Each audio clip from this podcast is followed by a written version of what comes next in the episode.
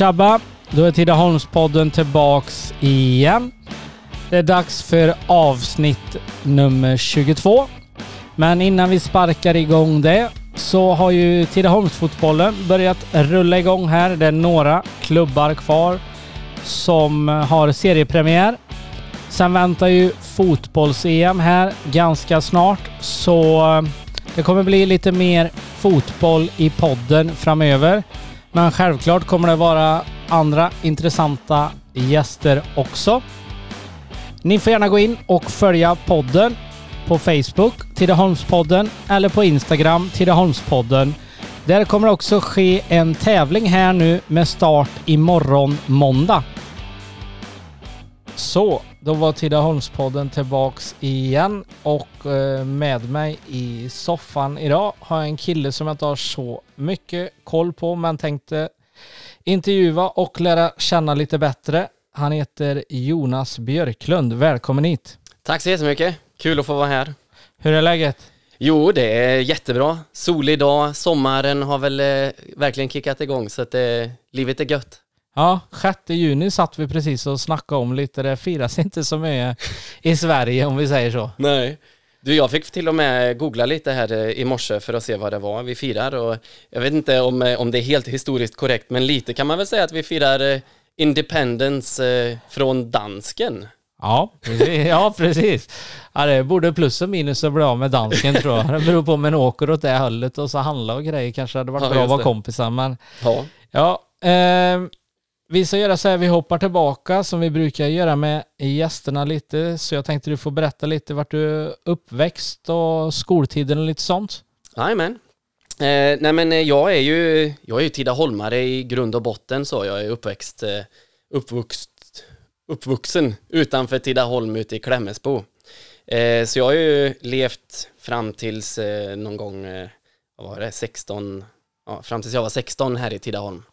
Eh, och sen har det varit lite av och till, man har alltid kommit hem så emellanåt eh, någon resa eller eh, när, man har, när jag har varit och bott och jobbat på någon plats så har det varit att jag har varit tillbaka här och mellanlandat. Sådär. Så Tidaholm är, ju hemma för mig. Ja, Yes. skoltiden då gick du, Klämmesbo, gick du i Fröjere då i skolan eller? Nej, jag tror den gränsen, det var ju några kompisar där ute som gick i Fröjered. Eh, Men jag har alltid gått i, i Tidaholm inne i stan här. Så jag började på, eh, på Hökensåsskolan, har gått där eh, eh, fram till nian. Ehm, Och det var ju kul, jag gillar Hökensås. Det var ju många raster, vi var ute och sparkade boll, du vet, i Sparbankshallen och sådär. Ja. Så att Hökensåsskolan, där gick jag. Jajamän.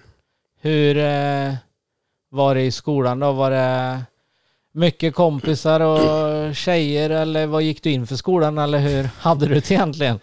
Eh, ja, men skolan var... Ehm, skolan var en kul tid. Jag tyckte jag hade väldigt roligt. Eh, det är klart att jag, jag tror jag var kanske...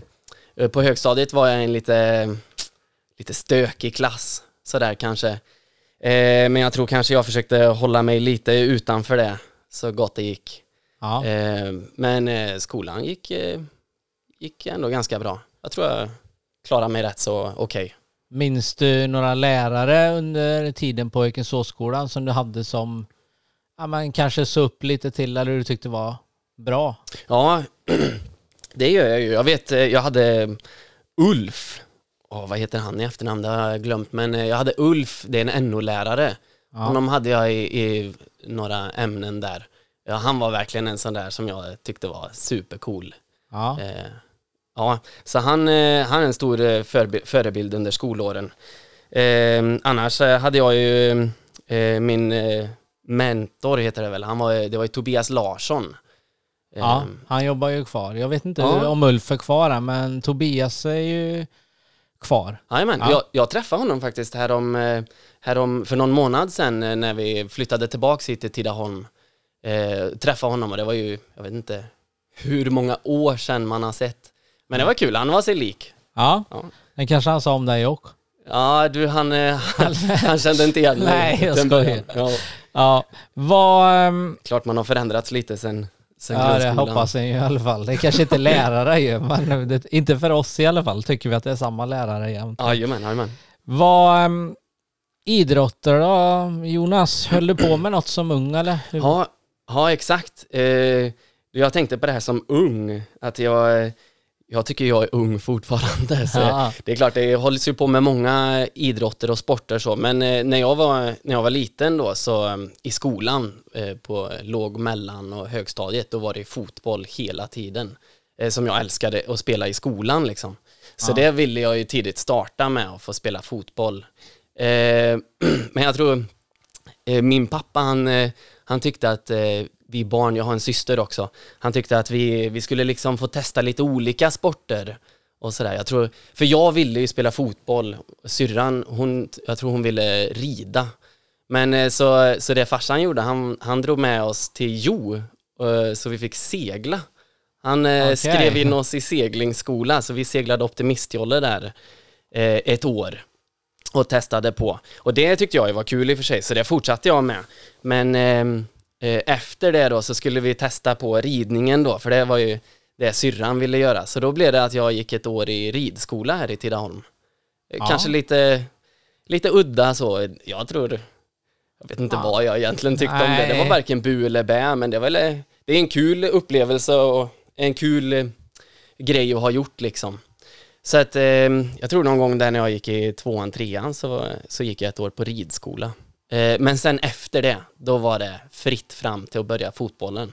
Ja. Eh, så jag spelade fotboll i Fröjered då liksom. Hur eh, många, eller hur länge håller du på med fotbollen då? Jo, det höll jag på med fram tills eh, precis i början på gymnasiet. För grejen var ju den att jag, jag eh, gick gymnasiet i Skövde och då var det lite, jag flyttade och med det, eh, flyttade till Skultorp och då var det lite svårt att fortsätta spela. Så att eh, jag spelade där från, kanske vad var det, trean till, eh, till ettan på gymnasiet eller något sånt.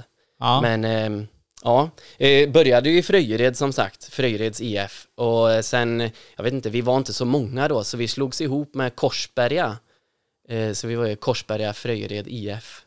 ja. Eh, riktigt kul tid. Men eh, jag vet inte, jag vet inte om det bara var jag som kände så eller om det var alla i laget men eh, det känns som att eh, när jag spelar fotboll, vi vann liksom inte så ofta. Nej, Vi okej. vann nog inte eh, så mycket. Det var kanske någon period då vi var ett ganska så starkt lag, men för det mesta så vann vi inte. Men jag, för mig så spelade det liksom ingen roll. Jag tyckte det var så illa kul att bara få spela fotboll liksom. Ja. Och ändå eh, riktigt sköna grabbar i laget och, och sådär. Så att, eh, det var min fotbollskarriär. ja. Ja, Ehm, och sen, nu i vuxen ålder då, är du fortfarande intresserad nu och följer något lag i fotboll och så eller? Nej, sorry Tony, alltså Nej. där gör jag dig nog lite besviken för jag, jag har Nej. aldrig tyckt om att se på fotboll.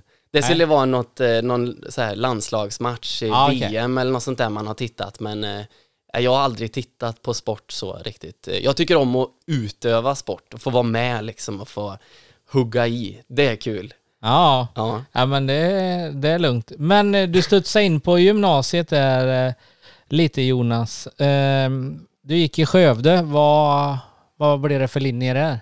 Jo, ehm, jag, ehm, till slut så blev det att jag valde att plugga på omvårdnadsprogrammet. Ehm, det, var, eh, det var väl lite sådär, jag, jag tror rent generellt i min skol, skoltid så har jag varit ganska så slapp eh, i skolan. Jag eh, kan ju känna nu när jag blivit lite äldre att eh, åh, man hade ju, tänk om man gjort lite mer med skoltiden.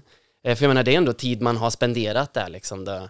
men ja, så jag var lite slapp och, och sådär, så att, eh, jag tänkte jag väljer något eh, lite lättare program där man inte kanske behöver plugga så mycket, så hårt. Eh, så jag valde omvårdnadsprogrammet och det är klart att jag hade ju en liten tanke där, för jag eh, under den perioden i livet så kände jag att jag skulle vilja bli polis. Okej. Och då Ja. hade jag fått höra det liksom att eh, omvårdnad det är bra på polishögskolan, där eh, uppskattar de om man har jobbat med människor och, och sådär. Så jag, eh, på Västerhöjdsgymnasiet gick jag eh, på den omvårdnadslinjen som heter skydd och säkerhet. Ja. Ja.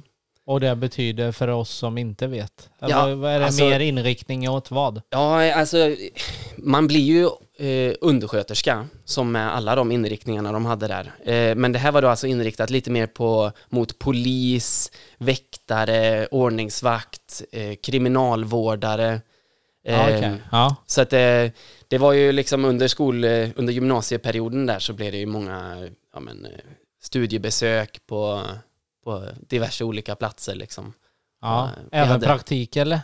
Ja, men praktikerna tror jag var, det var liksom inte att vi hade praktik på fängelset eller något Nej, sånt, det utan, tror jag inte men... Nej, utan eh, då hade vi liksom praktik på sjukhus, eh, hemvård, eh, ålderdomshem. Ja.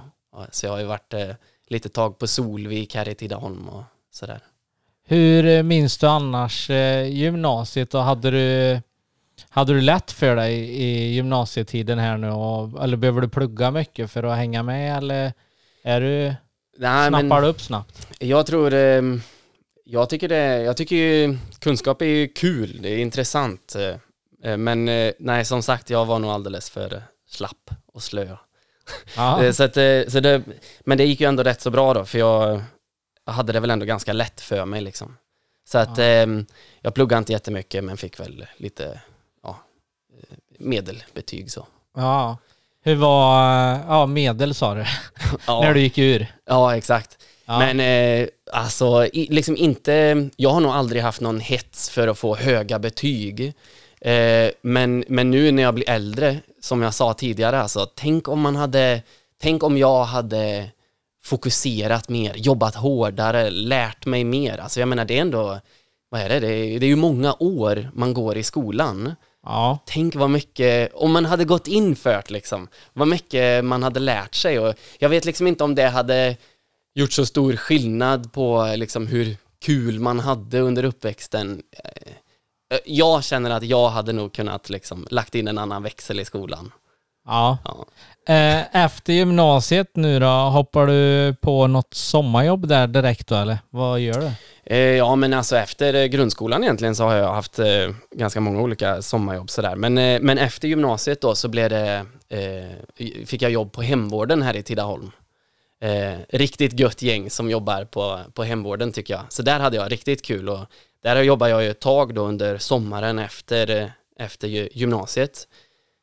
Men det blev bara sommaren för jag och ett gäng grabbar, ett gäng polare här i Tidaholm, vi bestämde oss för att flytta till Oslo och jobba ett tag då. Ja. Hur Så- kommer ni på den idén? Ja, det vet jag inte. Eller satt ni, visste ni, nu ska vi tjäna cash, vi drar till Norge eller? Exakt så var det ju. Eh, Man ville ju liksom eh, stapla lite pengar va. Så, nej men det var väl eh, vida känt så att många drar till Oslo eller till Norge så för att jobba eh, en liten period. Och ehm, ja, jag tror jag hängde nog mest med liksom, jag vet inte vem det var som, eh, som kom med idén men eh, ja, så vi, vi drog till Oslo eh, och jobbade. Så jag tror jag jobbade där i nio månader och, eh, och sen efter det så var vi ju klara liksom. Och då var ju, ja, vad ska man göra med alla de här pengarna då? Ehm, som man hade tjänat ihop. Eh, och då, eh, jag hade ju inte någon tanke på att jag skulle ut och resa och spendera det här eller något sånt, utan jag tänkte ju att jag, ja men jag drar och jobbar där och sen kanske jag åker hem och fortsätter på hemvården lite grann och sen är det ju dags att söka polishögskolan. Eh, men eh, ja, jag eh, blev lite kompis med, med några andra, eh, några kompisar till det här kompisgänget som jag åkte med. Och de två tjejer då, Elin och Elin, eh, som tyvärr inte är från Tidaholm, eh, utan det är en värmlänning och en östgöte. Ja okej, ja. De hade ju stora planer på att resa jorden runt. Och, och lyckades övertala mig att haka på på det här. Eh, och jag tror att eh, det var, jag vet inte om man kan säga att det var där äventyrslusten startade. Alltså, det är klart man har ju varit ute och, och rest tidigare så, men, eh, men det var första så stora resan som jag var ute och, och gjorde.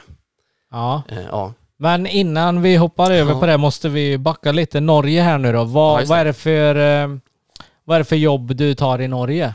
Eh, jo, eh, alltså man, man skulle ju kunna trott att jag hade gått och, och jobbat inom vården där också eftersom att jag var undersköterska då. Eh, men eh, jag, jag och en, en kille härifrån Tidaholm, Otto Lennartsson, utifrån Klämmesbo, vi, vi drog och skaffade um, truckkörkort eh, på den sommaren då, innan vi åkte till Norge. Så när vi åkte till Norge då, då hade jag ju truckkörkort eh, och det var det jag kände att jag ville jobba med. Så jag jobbade på ett lager. Eh, det var ändå lite gött så efter en, en lång sommar här i, i Tidaholm, jättekul i hemvården, snacka med alla gamla här i Tidaholm. Eh, men så var det ändå lite gött att få ha ett, eh, ett jobb på lager då, där man inte behöver vara så social och, och, och sådär. Ja, ladda upp de batterierna lite. Ja, ja. men hur... det är ju dyrt i Norge. Oh ja. Hur många var ni som delade på en lägenhet där då? ja, vi var ju sex sex eh, ungdomar eh, i en liten, i en källare faktiskt. Bara eh, killar? Hej, det var, vi var fyra grabbar härifrån eh, Tidaholm eh, och så bodde vi tillsammans med två tjejer ifrån Jönköping. Eh, ja. Så vi sex, vi bodde på 70 kvadratmeter. och det, ja, för den som känner till hur, hur lägenheter och sånt är uppdelade så förstår man ju att det Tight. Det var ganska tajt ja. Så jag tror jag sov faktiskt i vardagsrummet eh, under hela den perioden. Ja. ja. Vad, när ni inte jobbar i Oslo då, vad hittar ni på då? Är ni ute och jag vet inte, ja. kör bowling eller? Jag ja, vet nej. inte vad de hade för kul. Eh, nej men alltså, ja, som du säger, Norge är ju dyrt. Ja. Eh, så jag tror det är många som åker och jobbar i Norge, de eh, försöker ju kanske inte leva fullt så så som man gör hemma kanske. Eh, så att det var ju mest jobb och så, men under den tiden så började jag spela mycket fotboll med KRIK, en norsk organisation som heter Kristen ungdomskontakt eller vad heter det? Kristen idrottskontakt, Tack, ja, det är klart. Ja. Eh, så då började jag spela mycket fotboll med dem. Det, det liksom drar ett gäng ungdomar ihop och, och så spelar man lite olika sport. Så det blev ju innebandy och eh, fotboll och ja, lite olika så. Ja. Eh, så spelade jag det med dem. Eh, klart man drog upp till Sångsvann någon gång och, och sprang runt sjön kanske, men jag har aldrig varit så mycket för löpning. Eh, det lockar inte mig.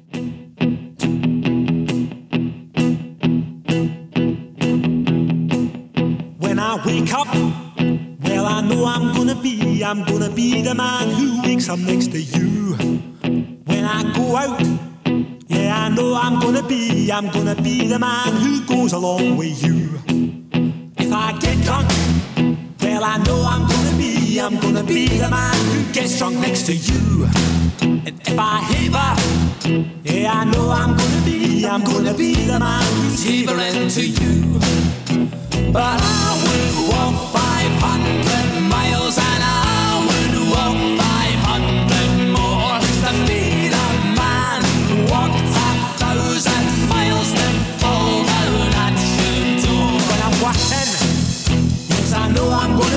I'm gonna be the man who's working hard for you.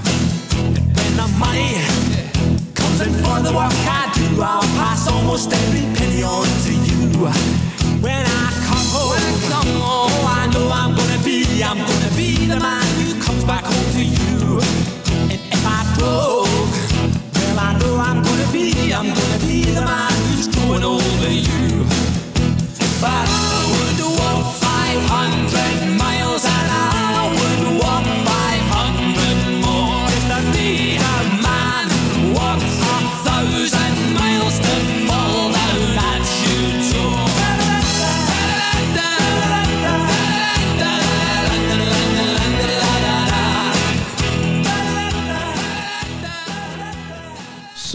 Är vi tillbaks igen och du hoppar ju redan in på oss lite innan pausen där på jorden runt-resa. Hur, eh, hur kommer man på den idén och hur går en planering inför en sån grej? Det är liksom inte en charterresa vi pratar sju dagar all inclusive upphämtad på flygplats och grejer utan det, det är lite mer meck med det här antar jag och likadant vart startar ni? Ja, Eh, jo, eh, det, det, är som du säger, vi, jag reste ju jorden runt och eh, mina päron har skämtat lite om det, att det, det var jorden runt på 180 dagar.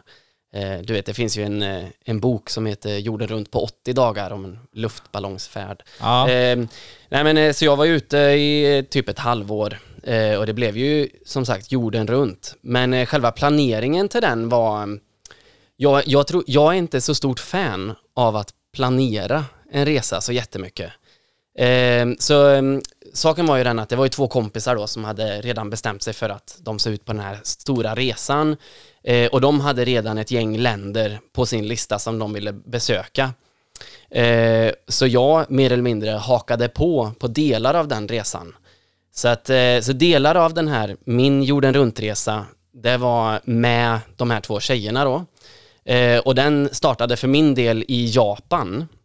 Så de hade redan startat tidigare då eh, och rest genom Ryssland med transmongoliska järnvägen.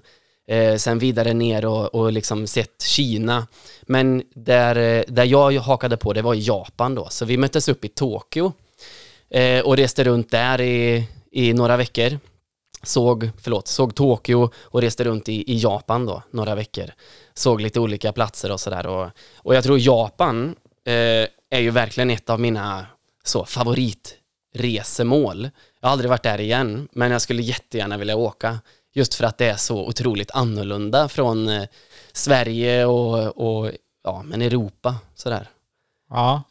Men du drar alltså till Japan helt själv och så kommer de kompisarna dit. Ja. Hur länge är du kvar i Japan innan resan rullar vidare? Jo, men eh, vi reser runt där då i, jag tror vi var tre veckor totalt i Japan. Japan är ju ganska så dyrt land att resa i. Jag Eh, trodde du skulle säga stort, men det kanske är... jo, men det är ganska stort också. Ja. Det finns ju massor att se, verkligen. Ah, Eh, nej men eh, tre veckor var vi där, men eh, sen så tog vi oss ner eh, mer mot Sydostasien, så eh, då blev det ju liksom Thailand, Malaysia, Singapore, eh, Indonesien och sådär. är det varmt när ni är där nu då? Eller Ja. vad är det för period ni är? Eh, exakt, jo nej men vi var ju, det är ju alltid ganska så varmt Ja. i Thailand och sådär. Eh, det var ju varmt och gött, verkligen. Eh, och eh, det blev ju kanske inte bara så här sandstränder och, och hotellresorts, utan eh, det var ju mer backpacking då. Så att det var liksom eh, en väska, ryggsäck på ryggen och så eh, liksom bussar och, och små bussar och hit och dit, kors och tvärs och ta sig framåt igenom. Och det tycker jag var verkligen ett så, en så ny grej för mig. Att, ehm, att liksom, använda sig av eh, den lokala eh, bussförbindelser och, och ta sig igenom ett land på, på ett vis som jag kanske inte har varit van vid att resa tidigare. Ja. Jättespännande och, och jag tror man upptäcker ett, vä- ett, ett land otroligt mycket genom att resa så. Ja, ja, ja. Det är Ja. inte... Du får inte se alla turistgrejer kanske, men du får se sjukt mycket mer spännande saker och vara på ställen där ingen annan befinner Eller inte så mycket Ja. turister i alla fall då. Ja, eh, sen är ju alltså att, att backpacka genom eh, Sydostasien är ju en, ändå en ganska, kanske inte jättevanlig grej, men ändå rätt många gör det. Ja, jo Eh, i och för sig, ja, men ja. ändå. Nej men eh, det var jättehäftigt, eh, verkligen, att resa runt så eh, och se och men så det var, det började med Japan som sagt, sen blev det Sydostasien och det var ju lite mer så stränder ändå. Men också vandra i djungel till exempel. Jag, jag minns så väl en, en hike vi gjorde med övernattning i en grotta. Eh, och det var ju liksom att vandra genom en malaysisk djungel. Det var eh, regnigt, så det var lera överallt och blodiglar. Åh Ja. hjälp. Alltså det är ett sånt minne som har etsat sig fast i mitt, eh, i mitt minne då. Eh, men, eh, ah, så speciellt. Jag vet inte vad jag ska säga om det riktigt, men, eh, men ja. Sen efter Sydo- Sydostasien då, så, eh, så drog vi vidare eh, till Nya Zeeland och, och spenderade några veckor där. Och jag då som är stor eh, Sagan om ringen, stort Sagan om ringen-fan tyckte ju det var helt fantastiskt att få resa i Nya Zeeland och se alla de här platserna där de har filmat eh, de här filmerna. Och, ja. Ja, vad, nu när ni reser runt här eh, Jonas, är det ba, har ni, eller har du så gött om cash? Det förstår jag ju, du är i början på resan så det vore väl tragiskt annars, men eh, tar, tar ni något jobb någon gång eller hjälper till? Rädda djur, jag vet inte vad en del gör när de är ute och reser eller besöker barnhem eller... Ja, eh, det gör ju vissa när de är ute och reser, det är klart. Och, eh, så man kan säga så här att eh, jag hade ju sparat ihop mycket pengar, en, en hel del pengar till den här resan då. Eh, Men för att, eh, jag tror, reser man runt så, det beror ju helt på hur man reser, vart man bor, liksom vilken standard man vill ha. Men eh, så i tre månader så reste vi runt så. Eh, men sen så sa jag hej då till de här två tjejerna då eh, och jag fortsatte från Nya Zeeland mot Hawaii. Så jag spenderade sen tre månader på Hawaii och där volontärarbetade jag. Som Eh. vad, vad gjorde du då? Ja, då, eh, då var jag med på en, det finns en organisation som heter UMU, eh, Ungdom med uppgift, eh, och på engelska heter den YWAM, Youth with a Mission. Så det är en kristen organisation som har bibelskolor lite överallt i världen. Och de har då en stor bas eh, på Hawaii. Så jag åkte dit och hjälpte till som, som volontärarbetare, så jag höll på och jobbade, vi vi göt en väg och jag höll på med snickeri och ja, ganska många olika grejer då. Men det var ju ett väldigt bra sätt att få vara på ett ställe en längre tid. För jag menar, tidigare under den här resan så hade det ju liksom varit att vi tog oss fram ganska fort. Eh, man stannade liksom några nätter på varje ställe liksom och tog, tog sig vidare. Men här på Hawaii då, eh, genom att jag bodde där i tre månader och jobbade volontärsarbete, så, eh, så blev det ju mycket ja, en väldigt billig upplevelse. Eh, Ett sätt att få vara på Hawaii, som ju ändå är eh, ganska dyrt om man ska dit och semestra. Eh, Men kunna vara där, jobba och sen på liksom helger och eftermiddagar så var det ut och utforska olika stränder och surfa och snorkla och ja, dyka.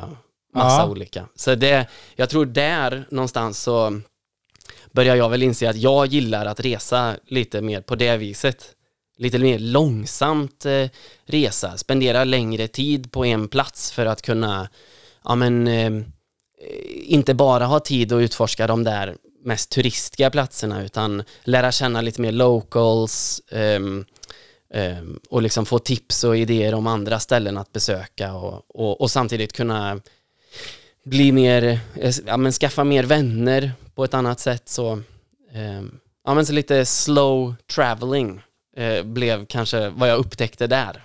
Ja. Så. Vad är häftigaste minnet du har ifrån Hawaii då? Vad är, vad är det? Är det lära sig surf? Kunde du surfa eller har du, har du dykcert? Eh, nej, eh, jag, eh, jag har skaffat dykcert efter det. Eh, men faktiskt så en, eh, en som jobbar som dyklärare där, han tog med mig och några grabbar ut och, och gjorde ett testdyk då. Så det var där jag dök med tuber första gången. Eh, jättespännande. Eh, och surfa, det hade jag testat på lite tidigare också. Eh, och eh, gjorde, nej jag surfade inte jättemycket på Hawaii faktiskt. Det är ju egentligen där man ska surfa Ja, gissar jag. Men det, det blev inte så mycket av det. Det blev lite mer boogieboarding och, och bara liksom snorkla och sådär. Men absolut bästa minnet från Hawaii, starkaste så, det måste ju vara, vi drog upp eh, en natt upp på en vulkan eh, och liksom vandrade in och parkerade bilen eh, på, sent på kvällen och vandrade in mot den här vulkanen då. Eh, och så ju närmare vi kom desto mer såg vi det här glöden i luften framför och så kom vi då till slut fram och bara liksom titta ner i ett Ja men liksom det är ett hål i jordskorpan framför oss och där nere så bara det bubblar med lava. Alltså det är nog, eh, det, det var något av det sjukaste jag har varit med om tror jag, eh, så liksom att, eh, att se lava så nära ändå. Ja, ja Eh. det måste ju vara... Ja, det, du ser det ju annars bara på tv liksom. Ja då, men exakt. då liksom bara, ja okej då. Det är Ja. inte så mycket liksom. Nej, jag, jag har sett nu på Island så har de ju något vulkanutbrott som är ganska så aktivt. Det fortsätter att spy ut lava. Och jag har sett att det är hur många människor som helst som tar sig dit för att se på det. Och det kan jag verkligen förstå. Alltså, lava och vulkaner, det är något så, det är en sån rå kraft. Man får verkligen se liksom hur jorden ja, Ja. har skapats på något vis. ja. Efter eh, Hawaii nu då, tre månader på Hawaii, vad, Var drar du då? Nej, då, då eh, var det egentligen slutet på min resa, så då fortsatte jag via USA och sen tillbaka hem.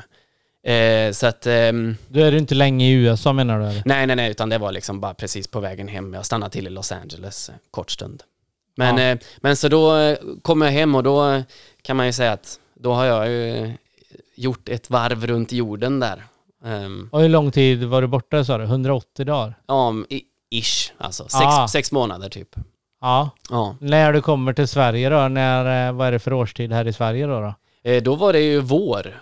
Det var perf- du hade tajmat där då? Ja, exakt. Ja. Så vi drog iväg precis på hösten eh, och så hela vintern spenderade vi alltså i, i värme och, och ja, så. Och sen kom tillbaka till våren. Och då minns jag, då var det så väl att jag kom tillbaks och då var det rätt in i verkligheten igen. Eh, då var det att hjälpa till släkten och plantera gran på Ja, ett okej. kalhygge. Så att, eh, ja, det var ett lite så uppvaknande efter eh, ha varit ute och glassat. Ja. När du, är ute, eller när du var ute på den här långresan, nu är det 180 dagar, har du... Eh, det är ju bra mobiler och datorer och sånt nu, men är du en sån så du hör av dig till morsan och farsan eller någon släkting eller har du några kompisar du... Eller är du duktig på att uppdatera Facebook, Instagram så folk ändå kan följa hur det går? För dig liksom? Ja, jag tror eh, mamma hon skulle nog säkert vilja att jag eh, hörde av mig mer ofta.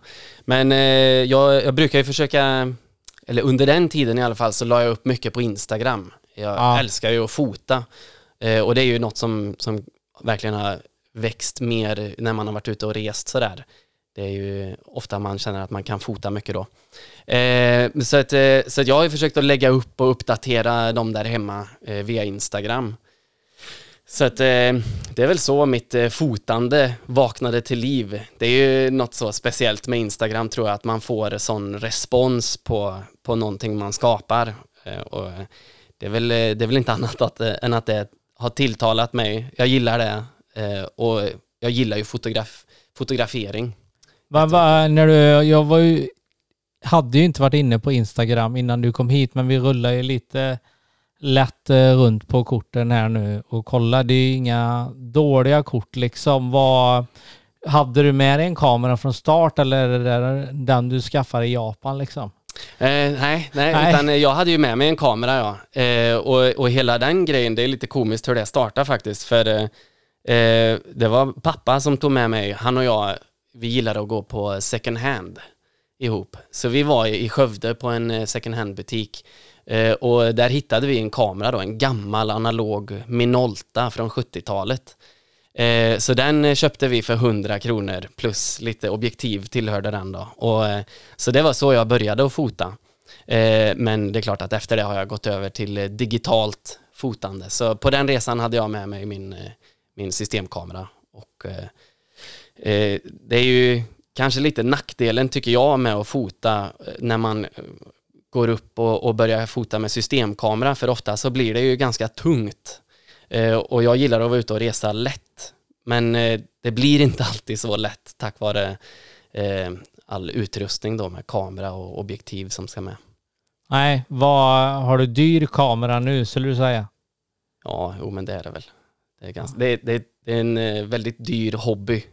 Ja, Ja. men är du så du uppdaterar eh, kameror och sånt efter du har eh, varit hemma och jobbat ett tag så känner du nej nu ska vi brascha lite pengar igen och nu, ja, men du, är du en sån som vill ha det nyaste eller nöjer dig med att det, det är bra grejer men det kanske inte splirrans nytt men ändå Alltså jag tror, bra. eh, som med, med många, ja, men säkert sporter och så också, men så är det ju med fotografering också. Man skulle ju kunna försöka hålla sig uppdaterad och ha det nyaste, men alltså det går ju bara inte. då kommer du inte längre än till havssjön eller något på dina resor. Så. Nej, exakt. Nej, Och det är inte så illa havssjön heller. Men, nej, men, nej, men, eh, nej, men så jag har, eh, det var några år sedan som jag kände att ja, men jag kanske ska ge mig in på bröllopsfotografering lite mer. Jag hade fotat några bröllop och så. Eh, Så då, eh, då skaffade jag en eh, Nikon eh, D750 och eh, jag köpte faktiskt två stycken eh, för att ha liksom två stycken eh, om en slutar fungera på ett bröllop. Det är inte jättekul va? Så att, eh, nej, då är du inte poppis. nej, Nej, verkligen inte. Vänta lite och så gå till banken. Ja, Nej, men alltså- exakt. Nej, men så då, så det, då satsar jag ändå lite på, på min utrustning. Eh, men eh, jag har inte uppdaterat det så jättemycket sedan dess. Eh, och med fotografering så är det ofta så att det är ju kanske inte helt och hållet vad man har för kamera eh, som gör det, utan det har ju mycket med op- optiken, alltså vilka Ah. objektiv man har. Eh, så jag har väl satsat kanske på lite bättre eh, objektiv och så. Men som, som med allt så är det ju också så att eh, det spelar ingen roll vad, vad för kamera man har. Eh, det, måste, det måste kanske finnas något i, eh, i ögat också. Ja, jo men Och- så är det där. Det är nog något jag känner att jag får jobba, jobba på. Just nu känner jag att jag har en liten dipp i mitt fotograferande. Det, eh, det är väl som med, med det mesta, det kommer och går lite. Ja. Eh, Men eh, Men eh, hur som helst, du kommer hem ifrån jorden runt-resan där. ja, Eh, typ, vad sa vi, maj månad kanske. Mhm, ja. Vad, vad, du planterar skog, vad, hur går tanken sen? Är du redan taggad på eh, nästa resa? Jag behöver ha in cash, jag behöver sommarjobba in i vården igen, eller hur? Ja, nej men eh, då eh, tänkte jag, jag och en kompis då, en, en svensk grabb som jag träffade på Hawaii, vi var sådär riktigt taggade på att göra någonting, resa eller, eller så. Så vi, vi ansökte, fick nys om en, en bibelskola i Sverige. Så att vi ansökte till den då, eh, just för att de hade hela skolperioden förlagd i, ett annat land. Eh, som man kunde välja då. Och, eh, och då var det till slut så att vi valde att eh, resa till Bolivia. Så att eh, genom en svensk bibelskola eh, pluggade jag, man kan säga att vi pluggade på distans den här bibelskolan. I eh, Sverige? i Sverige fast vi bodde i Bolivia. Eh, så vi och några andra svenska ungdomar, vi bodde tillsammans i Bolivia, i Cochabamba, eller en bit utanför Cochabamba, eh, under eh, inte riktigt ett år. Vi bodde där och det var liksom så här blandat bibelskola med volontärarbete också. Mycket jobba med fattiga familjer, fattiga barn i utsatta områden i, i, i stan liksom. Eh, så det, det blev nästa grej då för att få komma ut och, och se världen ännu mer och kanske mer få leva på det här sättet som jag kände var kul att, se och resa när jag var på Hawaii. Det här att spendera en längre tid på ett och samma ställe. Ja. Eh, så, att, eh, så exakt nästa grej då var det liksom eh, bibelskoleår, alltså en folkhögskola.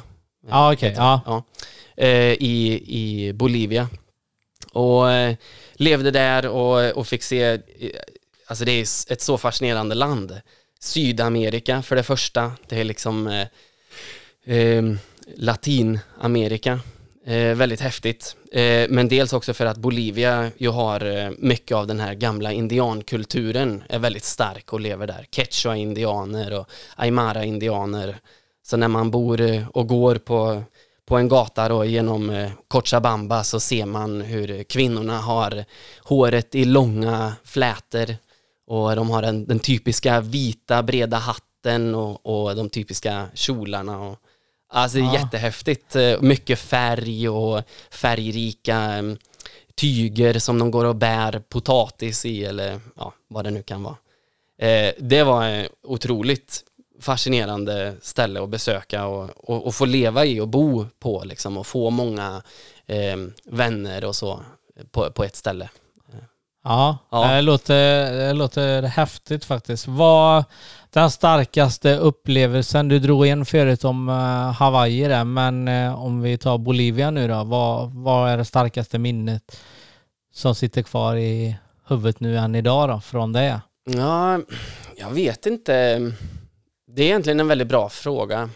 Ehm, För i Bolivia, det är klart att vi, vi reste ju runt lite i, i Sydamerika där också då. Man, vi drog ju över till Peru och besökte Machu Picchu och eh, Ja. vi, vi besökte även Salar de Uyuni som är en stor saltöken i, i Bolivia. Och, Ehm, men eh, jag vet inte, jag, jag tror det, som jag sa, alltså det, det bästa med Bolivia det var nog att få, få lära känna och, och bli kompis med, med människor med en helt annan bakgrund än, än en själv. Att få, få leva och bo i, i Cochabamba och se hur människor liksom försöker leva sitt liv, precis som vi gör här i Tidaholm. Liksom. Man vill ju ha en, en god vardag, liksom ett liv, leva, ha ett jobb, eh, ha en familj.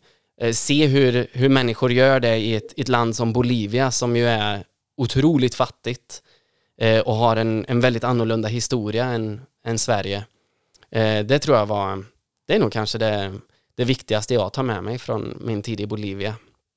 Det här Mm. att ehm, livet är inte alltid rättvist hur vi har det, men att man ändå alltid ska försöka göra sitt bästa för att ja, glädja människor runt omkring. Det handlar inte alltid om hur mycket pengar man har eller eh, så, utan ja, det är människorna runt omkring som är kanske det viktiga. Ja. Efter eh, Bolivia nu då, drar du hem till Sverige då igen eller? Ja, exakt. Ja. Eh, flyttar hem till eh, Tidaholm lite snabbt. Det, det När du är hemma de här gångerna, du måste bara fråga. Tar du en lägenhet då eller, nöj, eller vet du redan? Nej, ingen idé för när jag flyttat in får jag säga upp den dagen efter igen. Eller är du hemma hos eh, mamma och pappa? Och, Ja, exakt. Jag är, jag är en eh, 28-åring som eh, faktiskt inte har flyttat hemifrån riktigt än. Så jag, jag drar alltid hem till mamma och pappa. Eh, men lite tror jag verkligen det du säger, att eh, det har inte riktigt varit värt att, att hyra en lägenhet för jag är inte hemma så länge. nej. Så att, eh, nej men ganska så snart efter jag kom hem från, eh, från Bolivia, då var det återigen det här, vi ville ut och resa, ut och ja, men, ehm, eh, se andra platser. Eh, och då tänkte vi att ja, men vi, vi drar tillbaks till Norge för att jobba. Eh, och då den gången så kände jag att eh, ja, men jag skulle vilja testa något nytt. Oslo, där har jag redan varit och jobbat. Så då, ehm, jag hade hört talas om eh, Tromsö, som ju är en eh, mycket mindre eh, stad än, eh, än Oslo. Eh, och ligger mycket, mycket längre norrut. Eh, Tromsö ligger ju 69 grader nord. Det ligger högre upp än vad Treriksröset är. Så det är ju långt upp i norr.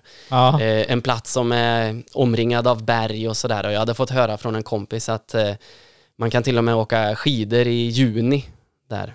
Det var en sån där sak som fastnade i mitt minne. Så jag bara tänkte att men jag ska, jag ska Alla, and, alla andra dina kompisar bara, nej men juni det är gött med sol och bad. nej men jag drar dit lite snö, det är lika bra. Ja men eh, det var något eh, så riktigt äventyrligt med, med Tromsö tyckte jag. Det lät som. Ehm, så att jag, eh, jag bara flyttade upp till Tromsö. Skaffade ett jobb på ett lager och ja men du vet, det var på hösten. Eh, snön började lägga sig på bergen. Det är klart man åkte ut och såg eh, fjordarna där. Eh, det, på hösten där någonstans så börjar ju späckhuggarna att ta sig in i, i fjordarna och man kan se dem från land. Alltså det var Ja, en det så otroligt mäktigt. det var en så otroligt häftig plats. Eh, så att eh, det tror jag, Tromsö, det var verkligen, eh, det stod upp gentemot mina förhoppningar. Det var en sån äventyrsfylld plats. Eh, så, så exakt, jag, jag flyttade till Tromsö, återigen det här för att um, försöka tjäna ihop lite pengar eh, för att sponsra de här resorna.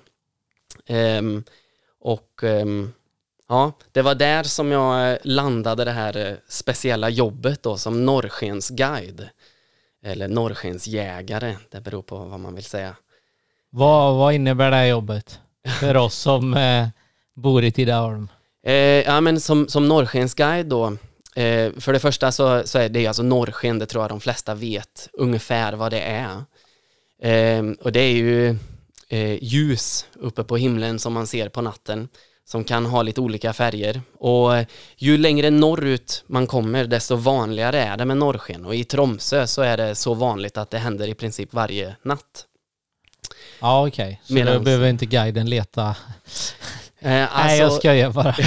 Jo, nej men Ja. eh, det är ju fortfarande verkligen ett, eh, ett jobb. Det är inte bara att man pekar uppåt på himlen. Där är det och så är det klart. Utan, nej men i, i Tromsö, som jag sa, det är liksom långt norrut på vintern. Det är ju väldigt kallt, mycket snö, det är hala vägar, det är dåligt väder ofta.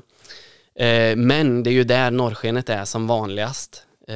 Nej, Man kan ta sig ännu längre norrut och det blir något mer vanligt, men eh, men Tromsö är en fantastisk plats just för att det är så lätt tillgängligt. Man kan flyga in dit från många platser i Europa. Eh, och det är en relativt stor stad.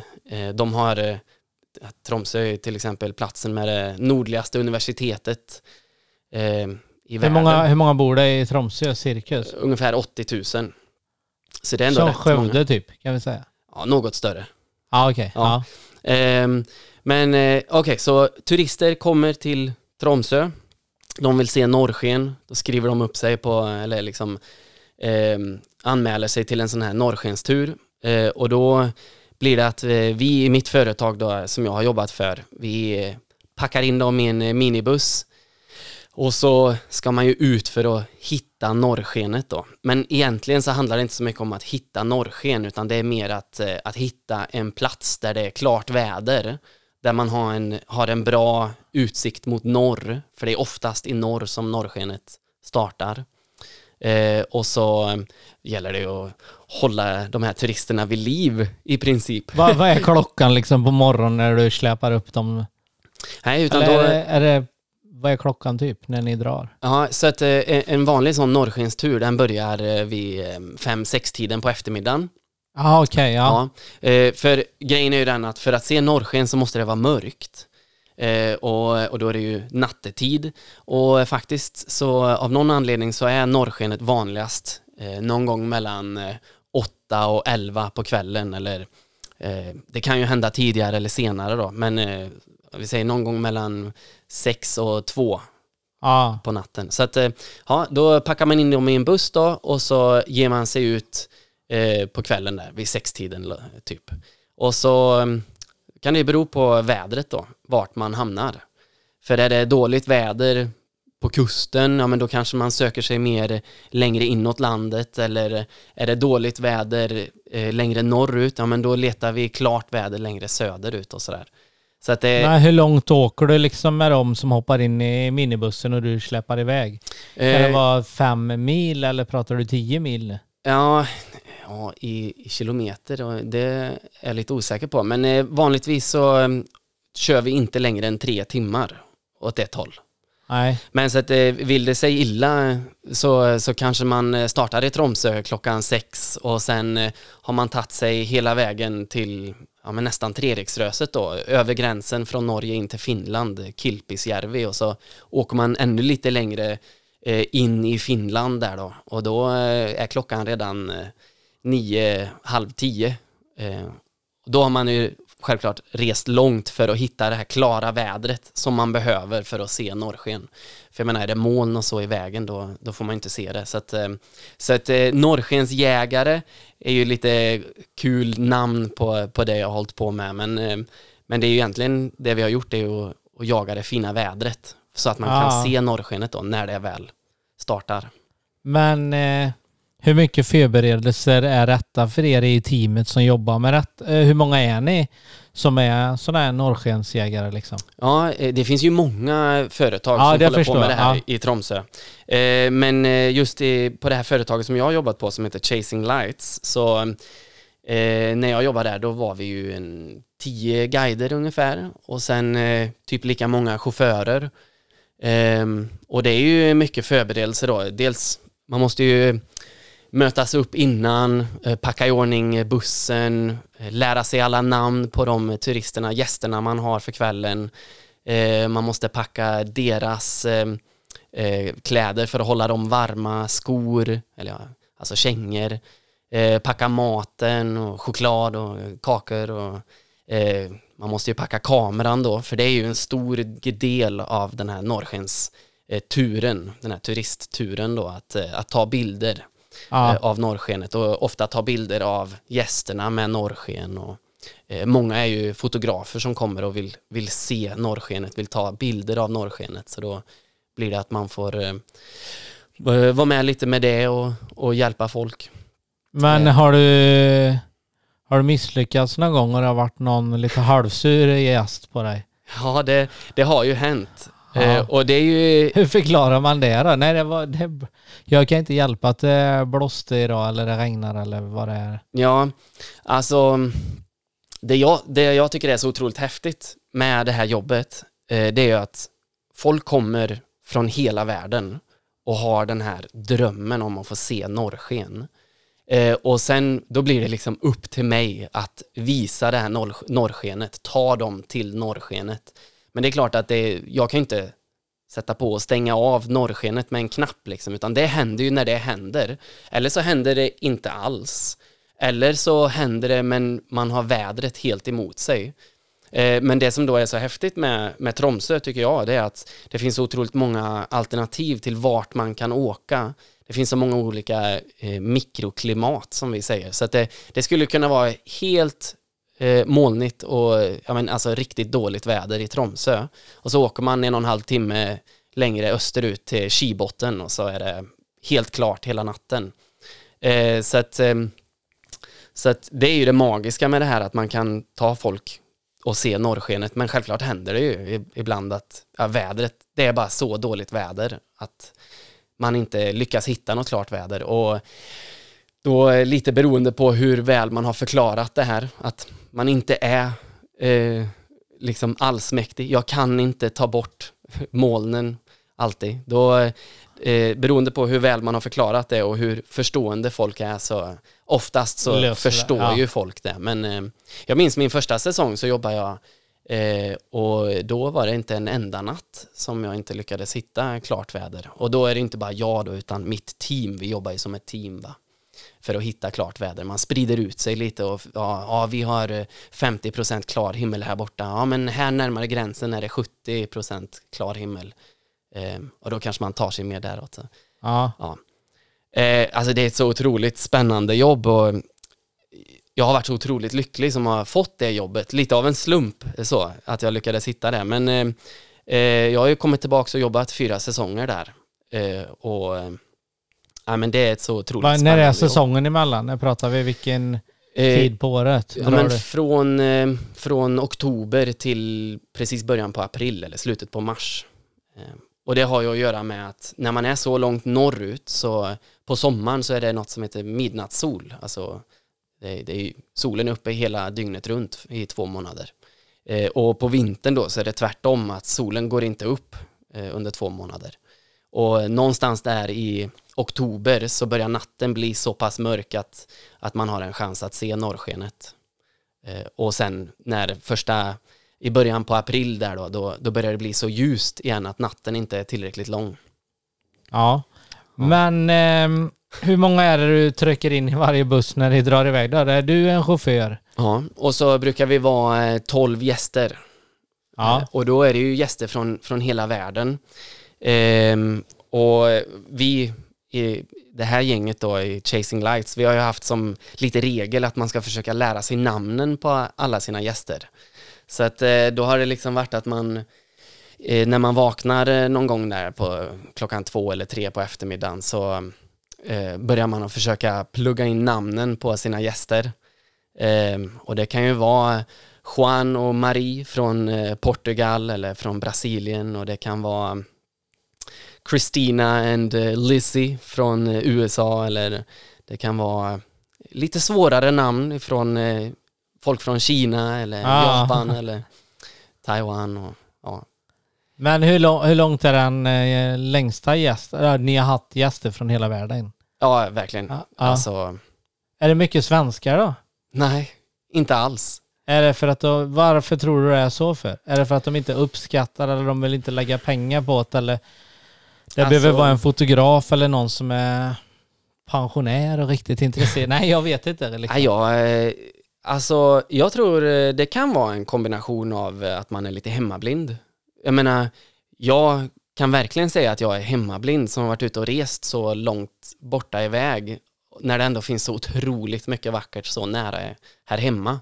Eller jag menar, man behöver inte liksom man behöver inte resa till andra sidan jorden för att se vackra berg och, och blåa sjöar i Nya Zeeland utan eh, det kan man eh, se i Norge och, och i Sverige också för den delen.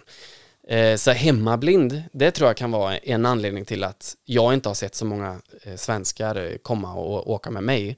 Men det kan ju också vara en sån sak som att ah, är man svensk och vill se norrsken då har man kanske någon släkting eller familjemedlem eller någon vän som bor längre norrut. Typ ah eh, Kiruna eller eh, Abisko eller eh, Umeå, Luleå.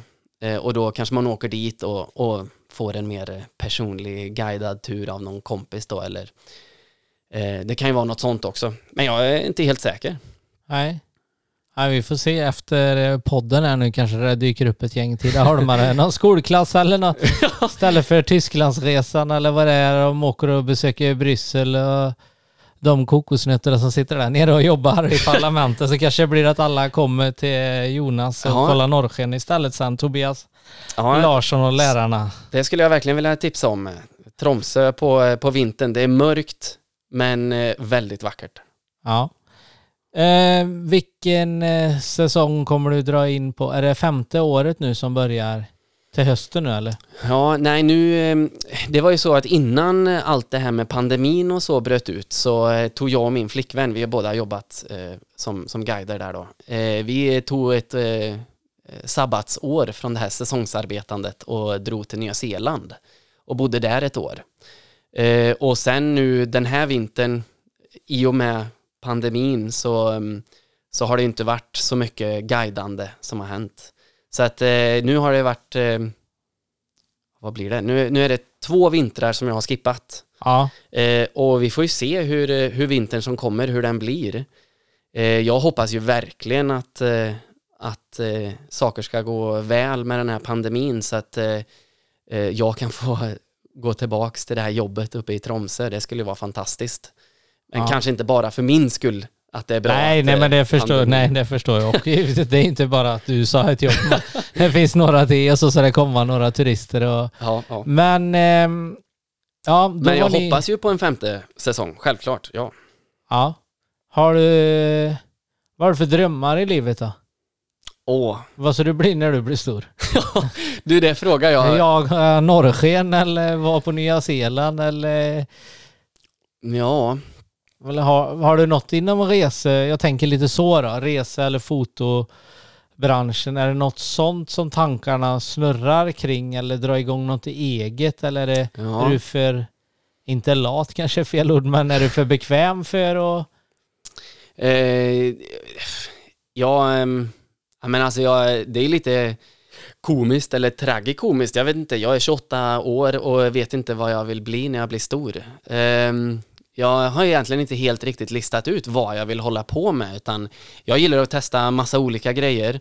Men, eh, men det är klart att jag, jag har nog ändå kommit underfund med att eh, det, det kommer kanske vara svårt att vara norrskensguide för resten av livet. Det är ett ganska tungt jobb och man eh, jobbar ju mycket nätter och ja, det är en väldigt intensiv period under vintern så.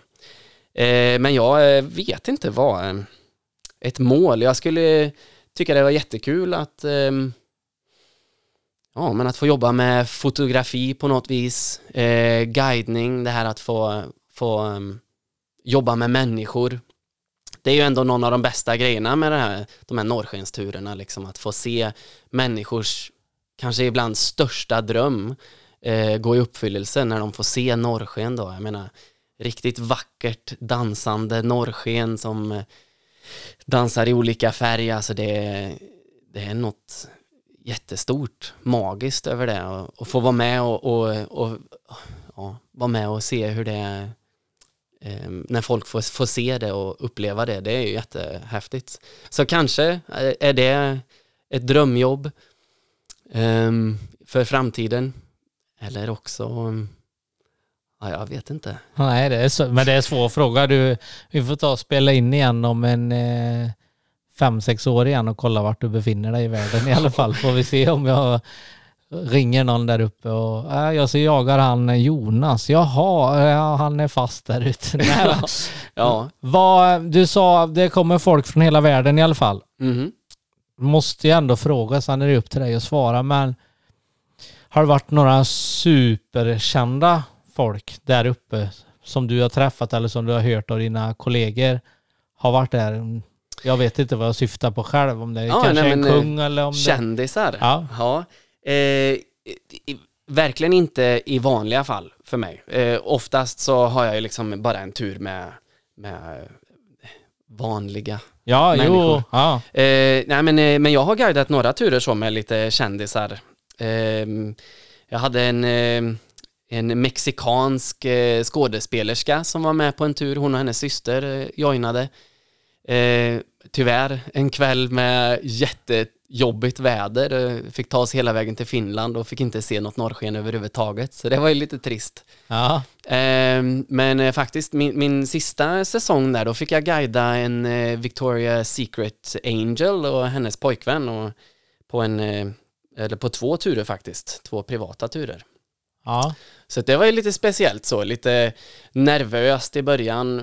Men jag vet inte, jag fick ju intala mig själv det att de är också bara vanliga människor och, Ja, ja, ja, det är klart. ja, och få vara ute och liksom hänga med dem eh, två nätter i rad, det var ändå lite, lite kul att se det att, eh, Ja. De är också vanliga, alltså, ja verkligen. Det kul. behöver inte vara så upphaussat som en tror egentligen, fast det är, blir ju det. Ja, ja, det- Och lite mer press på dig kanske då. Ja, verkligen. Det var eh, verkligen press, kände jag. För eh, första kvällen då så berättade ju han pojkvännen då att han hade tänkt att fria. så det var ju liksom verkligen så här, Ja. Come on now Jonas, we need to find the green lady. ja, men eh, det slutar ju bra. Det, ja. Blir det fred ja, det blev det. Det blev det. Ute på en eh, frys, eh, vad säger man, frozen lake, en eh, istäckt sjö uppe i Finland. Där eh, tänt en eld ute på isen och klart väder och lite norrsken. Jajamän. Ja, det, är- det är maffigt. Ja, Ja. Ja, det är det något sånt du sa när du gifte dig? ja, jag vet inte, kanske. Tänk det, du vet, säga ja under norrskenet. Ja. Ja. Vad... ehm, annars då nu är du hemma i Tidaholm igen här nu. Mm. Ehm, hur länge är du kvar den här gången? Undrar mamma? Nej, ska jag bara... Ja, exakt. Är det någon fråga hon har skickat in Nej, kanske? Hur länge blir du kvar den här gången? Eh, jo, nej men eh, nu, eh, vi flyttade ju hem i, eh, i november eh, från Nya Zeeland. Eh, så vi har ju bott hemma nu i, i drygt ett, eh, Halvår. ett halvår. Ja. Det är Eh, lång tid för att vara dig, för ja. att vara hemma. Ja. Verkligen. Men det är Eh, klart, det är pandemi och grejer. Du kan inte göra riktigt Nej, det. Nej, eh, och eh, faktiskt så var det så att jag och flickvännen, vi, eh, vi har ju drömt lite om att eh, bygga ett tiny house. Eh, så det sa vi att eh, nu, nu är det ju pandemi va, eh, och eh, det är ju inget läge att ge sig ut och resa och, och hålla på och vårt jobb i Tromsö, det eh, går lite knackigt. Så att vi, eh, vi flyttar ju hem då, hem till mina föräldrar faktiskt. Och eh, vi bor där och håller på och bygger ett eh, tiny house. Så det är ju... Hur en- går det då? Jo, det går, eh, det går framåt. Det går, Vad- du får förklara då, alla kanske inte är med på vad det är för något du bygger, Ja. men... eh, Tiny House, det är ju något som har eh, kommit ifrån USA tror jag. Och, och på Nya Zeeland är det också väldigt vanligt. Folk som vill downsiza, alltså leva lite mindre, vill inte ha så stora ekonomiska utgifter, vill inte kanske tära så mycket på naturens resurser. Eh, det finns ju många anledningar att, eh, att eh, bo i tiny house då. Eh, ekonomiska och ja, många olika anledningar. Ja, Eh, så ett tiny house det är ju i princip ett, eh, ett eh, väldigt litet hus. Eh, jag tror eh, det finns någon lite diffus gräns på under 30 kvadratmeter eh, ungefär.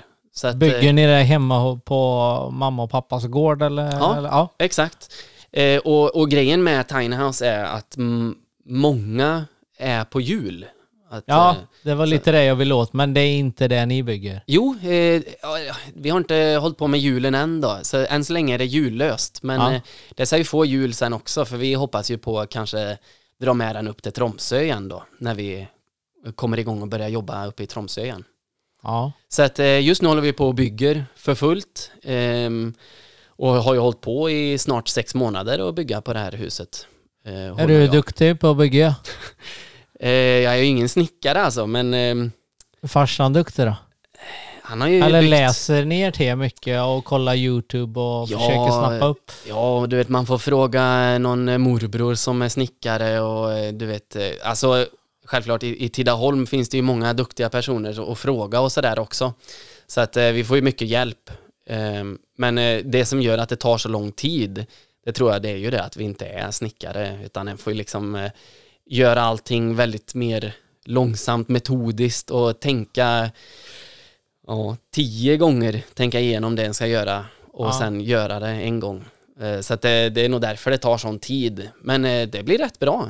Ja, Ja, Ja, Jag du gillar får skicka lite kort sen så, så jag lovar att jag ska lägga med dem ut på Facebooken på Tidaholmspoddens sida i alla fall. ja just det. Just Om, det. du, om det finns något att visa än vill säga då. Ja, just det. Ja, jag brukar slänga ut lite på Instagram-storyn där ibland. Men, eh, men det är klart att eh, när den är färdig sen, då skulle det säkert kunna gå att ge ut lite schyssta bilder.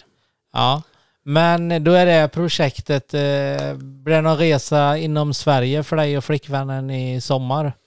Eh, kanske inte så eh, jättelångt bort. Eh, vi har varit och vandrat lite i Tiveden redan här nu tidigt i sommar. Och, Ja.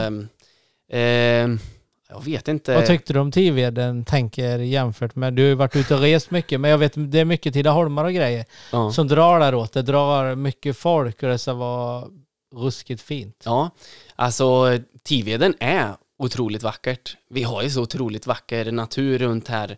Eh, jag menar bara i, igår kväll eh, var vi ute och, åkte nära Hornborgasjön och, och kikade på solnedgång och var ute och vandrade lite. Alltså det är ju eh, ja, man behöver inte resa jorden runt för att, för att få se vacker natur. Så, så det var jättefint. Men det var lite sådär, min, min flickvän hon är från Litauen, så för henne var det kanske lite mer wow-upplevelse att gå i Tiveden och se alla de här bergshällarna och stora klippblocken som ligger och tallskogarna och sådär. Eh, Hon tyckte det var mer speciellt, men du vet eh, en annan som, som barn, jag vet inte, vi har nog varit där med Hökensåsskolan någon gång och gått. Ja, Du vet en, det är Ja, inte men- så märkvärdigt. Nej, Nej. alltså tyvärr så blir det ju kanske lite så, men eh, ja, jag tror jag, jag jobbar på att försöka se det vackra i, i liksom naturen runt omkring här. Så jag vet inte om vi kommer åka så jättelångt bort. Vi skulle ju vilja ta oss till Litauen, hälsa på hennes föräldrar. Hon har inte varit där på, på år och dagar. Nej, nej men det är klart. Och så fort det öppnar upp nu då blir Ja. det resor. Folk kanske väntar in vaccin lite och eh, Ja, eller så om det blir något med de här vaccinpass och grejer då. Men, ja det skulle ju vara fantastiskt om det, det går. Mm, Mm. det beror på hur fort den får det här. Ja, du, det frågan. Vi, både jag och du är för unga än i alla fall, den saken är jag säker. Men eh, drömresa då, Jonas? Vad, vad, vad är drömresan?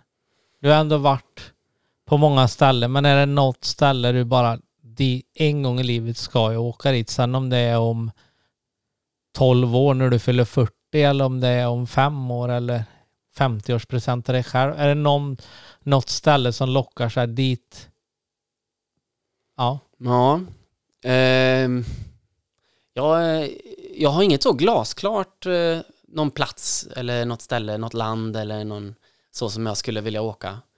Eh, liksom att Eller är det för svår fråga för dig? Ja, det är nog det. Eftersom du inte gillar att planera utan då, nej vi startar i Kina den här gången och vi avslutar i Danmark. Nej men typ. Ja, eh, jag, eh, det finns ju några grejer jag jättegärna skulle vilja eh, göra. Eh, och en av de grejerna är transmongoliska järnvägen eller transsibiriska järnvägen. Jag vet inte, det skulle vara jättehäftigt eh, att se. Eh, men ehm, alltså Antarktis, det, den, den lockar ändå ganska mycket. Eh, det tycker jag skulle vara jättehäftigt att, att få se. Eh, jag gillar ju långt norrut. Jag Mm. gillar ju snö och is och älskar att få ha på mig många lager kläder och, och liksom känna sig ändå okej med att vara i, i kyla så. Eh, så att eh, Antarktis skulle vara jättehäftigt att, att besöka, men även lite närmare här hemma då, åka till Svalbard eller något sånt där. Det skulle vara häftigt. Ja. ja, det finns lite, ja men du i alla fall vad det är vi låter lite, det finns lite drömmar Ja, kvar i alla fall och samtidigt får du fundera på vad du vill bli när du blir stor. Ja. Men det, det finns risk att om, eh, även om vi kör en podd till om tio år så kanske jag fortfarande inte vet vad jag ska bli när jag blir stor. Nej, jag skojar bara. Ja. Det är bara skönt att höra inställningen så. Ja. Men eh, vi ska köra en liten paus innan vi kör eh, fem Jag snabba. har prövat nästan allt som finns att välja på. Kampa, hyra båtar, paddla, cykla eller gå. Jag har semestrat på de allra konstigaste sätt och äntligen jag funnit hur man ska semestra rätt. Man ska ha husvagn så är semestern redan klar. Man ska ha husvagn, det har jag sett att alla har. Man ska ha husvagn och stuva in familjen i. Man ska ha husvagn för då blir man fri. I många år så var vi inte särdeles beresta. Vi hade varit i Askersund och Pressbyrån i Gnesta. Men så en dag sa jag till frugan vänligt men bestämt. Vi skaffar oss ett hus som går på hjul och därmed jämna ska ha husvagn. Med kylskåp, TV, dusch och spis. Man ska ha husvagn. Det blir som hemma på vis. Man ska ha husvagn. Och den ska vara stor och bred. Man ska ha husvagn. Tänk vad man får se.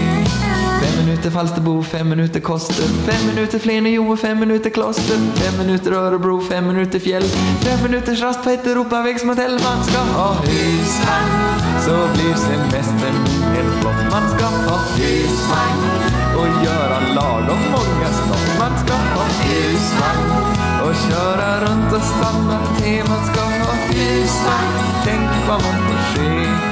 Så, tiden har sprungit iväg idag igen. Det går fort när en sitter och snackar, men vi ska bränna av eh, fem snabba i alla fall. Och fråga nummer ett. Vandring eller sol och bad? Vandring. Sport eller musik? Sport. Favoritsport? Fotboll. Men du har ändå inget lag du håller på kommit fram till förut eller? Nej, utan det är ju glädjen att få spela och få liksom eh, skapa något tillsammans. Ja. Ja. Eh, då blir ju nästa fråga körkad, men nu är den redan nedskriven. Men det var fotboll eller hockey. men det, det, då vet ju alla svaret på då. ja. Jag har nog aldrig spelat hockey så att... Eh, Nej. Eh, Aftonbladet eller Expressen? oj, det är ingen aning. Läser du, men när du är ute och reser då? Har du lite koll på vad som händer i, i Sverige eller i Tidaholm eller runt omkring här? Ja. Uppdatera morsan och farsan eller Ja, men eh, mamma är nog ganska duktig på att hålla en uppdaterad. Men eh, annars så blir det ju men SVT för att få det basic, det allra mest basic ja, av nyheter. precis. Eh, foto eller film? Och den är svår. Ehm, foto. Ja, Ja. borde vara. Ja. Men Har- eller, om du, eller menar du foto, eller alltså att se film? Nej, Eller, foto eller, eller- film. liksom att Alltså, filma? Ja, precis. Ja, men den är ändå lite svår. Jag gillar ju att filma. Men eh, foto, ja, foto. Har du drönare? Ja, det ligger nog en hemma. Ja.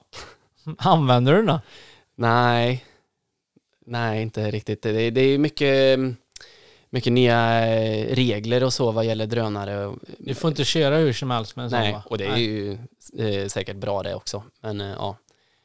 Eh, Men så att nej, det har inte blivit så mycket att köra med den. Nej.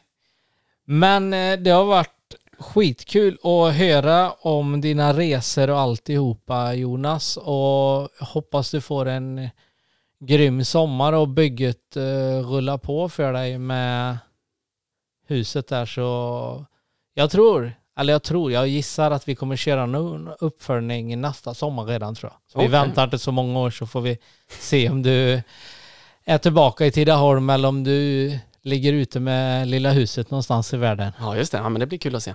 Ja, Tack, så jättemycket. Det var allt för denna veckan och än en gång så önskar jag alla studenter stort lycka till i livet.